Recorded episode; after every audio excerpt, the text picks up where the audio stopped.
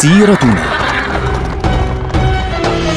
مع الدكتور عبد الله معروف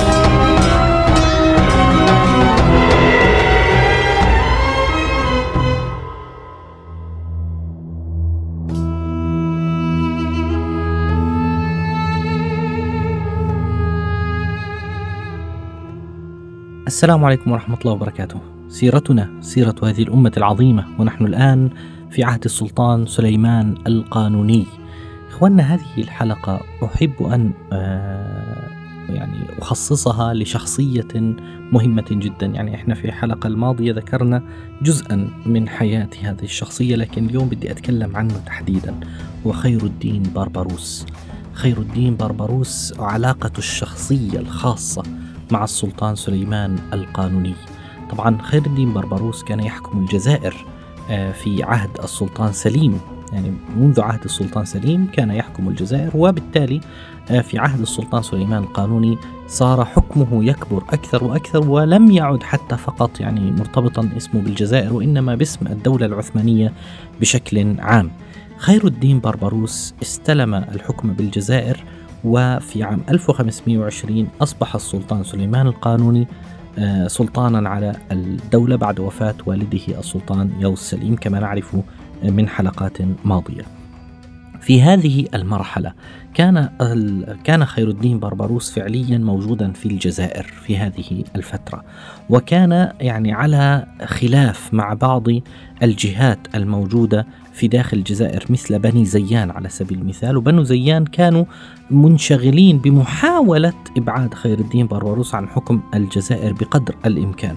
طبعا خير الدين بربروس في مرحلة معينة لكي يظهر للناس فعليا أهمية وجوده وأهمية وجود العثمانيين في وجه الإسبان غادر الجزائر إلى مدينة جيجل في آه، الجزائر وطبعا في الجزائر اليوم يعني غادر الجزائر العاصمة إلى جيجل ثم بعد ذلك عاد إلى الجزائر واستقر فيها لكي يحاول أن يعني يهدئ الأوضاع ويعيد نفوذه السابق خاصة أنه كان عنده مشكلة كبيرة في تلمسان اسمها الأمير عبد الله الزياني. يعني اللي حاول أنه يلغي الحكم العثماني في ذلك الوقت ويصبح يعني مستقلا بحكم تلمسان. فطبعا خير الدين بربروس أرسل له يقول له يجب أن تعيد الأموال السكة يعني تضرب السكة باسم السلطان سليمان القانوني. فرفض وسمى حال السلطان عبد الله الزياني فعند ذلك تحرك خير الدين باتجاه تلمسان. وطبعا والتقى الاثنان في منطقة مازونة وتمكن خير الدين بربروس من هزيمة هذا الرجل وأمر بضرب عنقه فعليا بعد أن أسر لماذا؟ لأنه كان لا يريد أن يفصل الجزائر إلى عدة أقسام وكان لا يريد أن يفصلها عن الدولة العثمانية طبعا هذا الأمر جعل اسمه يصل إلى السلطان سليمان القانوني ويرى السلطان سليمان القانوني أن هذا الرجل فعلا يعني واقف مع الدولة العثمانية ويعلن ولاءه بكل وضوح للدولة العثمانية. لما وصل إلى آه، الجزائر خير الدين بربروس عاد مرة أخرى بعد أن أعاد تلمسان حقيقة إلى آه، حضن المنطقة بشكل عام عاد إلى الجزائر بعد ذلك وبدأ يرتب آه، أموره للدخول ضد مناطق أخرى ضد مناطق أخرى تحاول أن تخرج خارج حكم الدولة العثمانية مثل منطقة تنس منطقة شرشال منطقة يعني حتى وهران وعمل على السيطرة على هذه البقاع وقمع أي تمرد. يعني مثلا آه، قسنطينة على سبيل المثال كانت قد آه، تمردت. أنه القائد نفسه الذي عينه خير الدين بربروس عليها كادت أن يعني كاد أعلن الثورة وكادت المدينة أن تسقط بالفعل لكنه يعني هاجم المدينة مرة أخرى وأعاد سلطة هذه المنطقة بالكامل إلى الدولة العثمانية.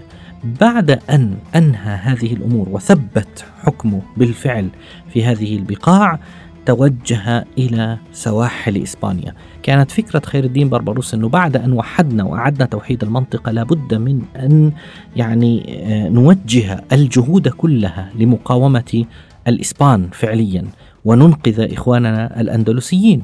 ففي عام 1529 تحرك باتجاه مضيق جبل طارق وبدأ يحاول احتلال بعض المناطق في سواحل إسبانيا بالفعل. ولماذا طبعا كان يعني يفعل ذلك؟ لكي يحاول أن يحمل ما يستطيع السفن من المسلمين اللاجئين إلى جبال غرناطة ويأخذهم إلى الجزائر. ف آه، يعني قائد جيش خير الدين بربروس اسمه أيدن ريس فعليا تحرك في عشرة سفن وتوغل في البحر الأبيض المتوسط ووصل إلى مضيق جبل طارق وعندما وصل إلى هناك اشتبك مع الإسبان. فاستولى على عدد من السفن الإسبانية وأرسلها إلى الجزائر. بعد ذلك وأغار على عدد من المدن والبلدات المطلة على الساحل في إسبانيا وكلما وجد مسلما من المسلمين على الساحل أو في البحر كان يأخذه معه وينقذه بالفعل ويحمله حتى يعني حمل عددا هائلا من المسلمين وتحرك باتجاه آه، الجزائر. عندما وصل الخبر إلى ملك إسبانيا في ذلك الوقت أرسل أحد أكبر قادته في ذلك الوقت لكي يقطع طريق العودة على أيدن ريس القائد الذي يتبع خير الدين بربروس ووعده بمكافأة كبيرة إذا نجح باعتراض أسطول العثمانيين. عند ذلك أنزل أيضا آه، ريس من معه من اللاجئين الأندلسيين ثم أنزلهم في جزيرة ثم اشتبك مباشرة مع الجيش الإسباني مع آه، الأسطول الإسباني ودمر هذا الأسطول ثم أعاد المسلمين مرة أخرى وحملهم ثم أعاد المسلمين معه إلى المناطق المعروفة في الجزائر.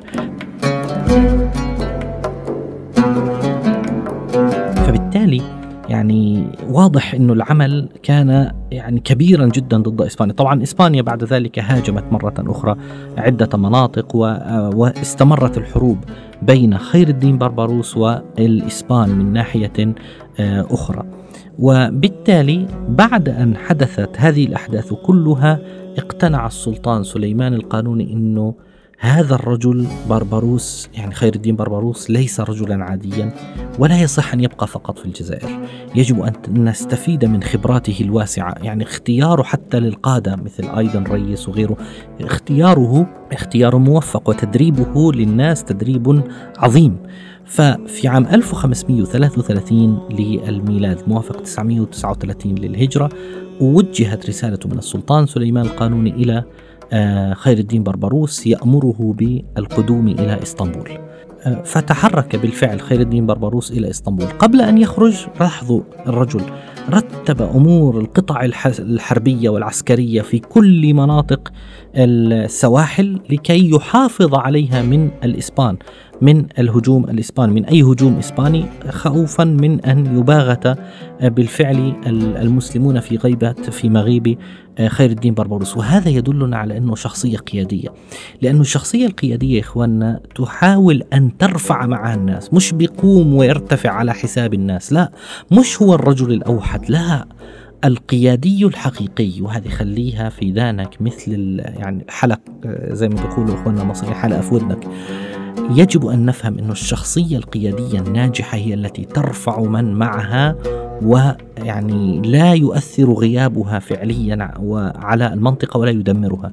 المدير الناجح لا تدمر مؤسسته إذا غاب وإنما كل شيء بضل شغال فيها مثل الساعة. السلطان سليمان القانوني عندما وصله خير الدين بربروس أثنى عليه التقى بالسلطان وأثنى عليه السلطان سليمان وعينه قبطانا على الأسطول العثماني بالكامل. سلمه الأسطول العثماني من الألف إلى الياء وفتح له المصانع الحربية ومصانع السفن وكل شيء بشكل كامل إضافة إلى إبقائه آه، على إيالة الجزائر يعني في منصب بيلر بي. ذهب خير الدين بربروس لاحقا والتقى بالصدر الأعظم إبراهيم باشا في ذلك الوقت وفهم منه ما المطلوب وأدار معه استراتيجية المنطقة بالكامل واستلم الفرمان السلطاني واستلم قيادة الأسطول العثماني يوم الرابع من شهر 4 أبريل عام 1534 وكان ذلك موافقا للحادي والعشرين من رمضان عام 940 للهجرة.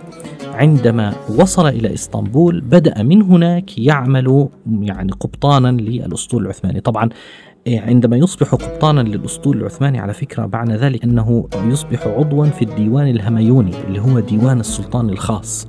فبالتالي بصير واحد من المستشارين المباشرين للسلطان.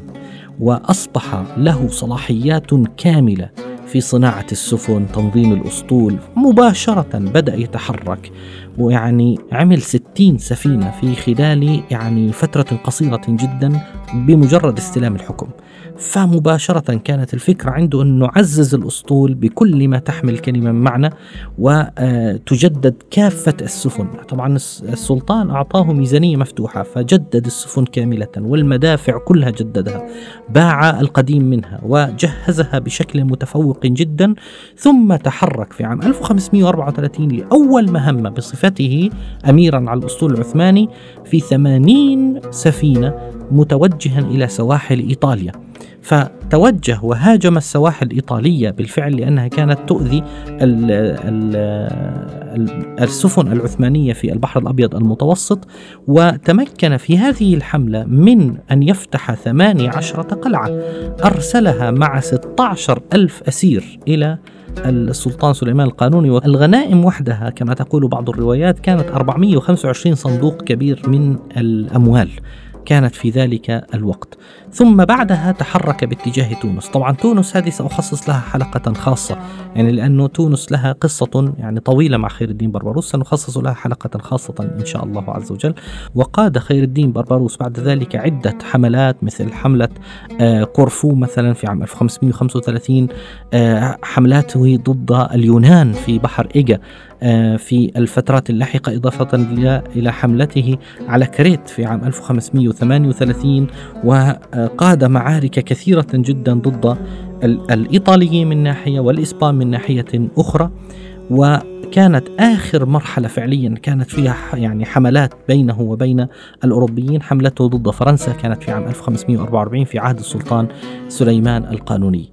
بعد أن أتم هذه الأحداث كاملة آه، كبر سنه كان قد كبر سنه في ذلك الوقت. يعني نحكي عام 1544 كان سنه كبيرا جدا. فطلب من السلطان سليمان أن يحيله إلى التقاعد. فالسلطان سليمان القانوني وافق على هذا الطلب. جعله طبعا أحد مستشاريه وأحاله إلى التقاعد وأقام في إسطنبول آخر فترة في حياته حتى توفي رحمه الله في عام 1546 بعد ما كتب مذكرات من أجمل ما يمكن وأنا أنصح بقراءتها إن استطعت أن تقرأها ودفن رحمه الله في منطقة بشكتاش الموجودة اليوم وقبره معروف اليوم. المعمار سنان باشا هو الذي هندس له المكان الذي دفن فيه خير الدين بربروس. قبره معروف اليوم في إسطنبول في بشكتاش أمام البحر وبجانبه يوجد المتحف البحري وبجانبه تمثال وساحة كبيرة وكل المنطقة حتى الشارع اسمه شارع بربروس وكل هذه المنطقة تشهد لخير الدين بربروس بأنه واحد من أعظم الشخصيات التي مرت على الدولة العثمانية بل على التاريخ الإسلامي. هو والسلطان سليمان القانوني شكلا ثنائيا عظيما جعل البحر الأبيض المتوسط مجرد بحيرة عثمانية يتحرك فيها العثمانيون في أي مجال وفي أي طريق بكل سهولة وأمان. نلقاكم على خير والسلام عليكم.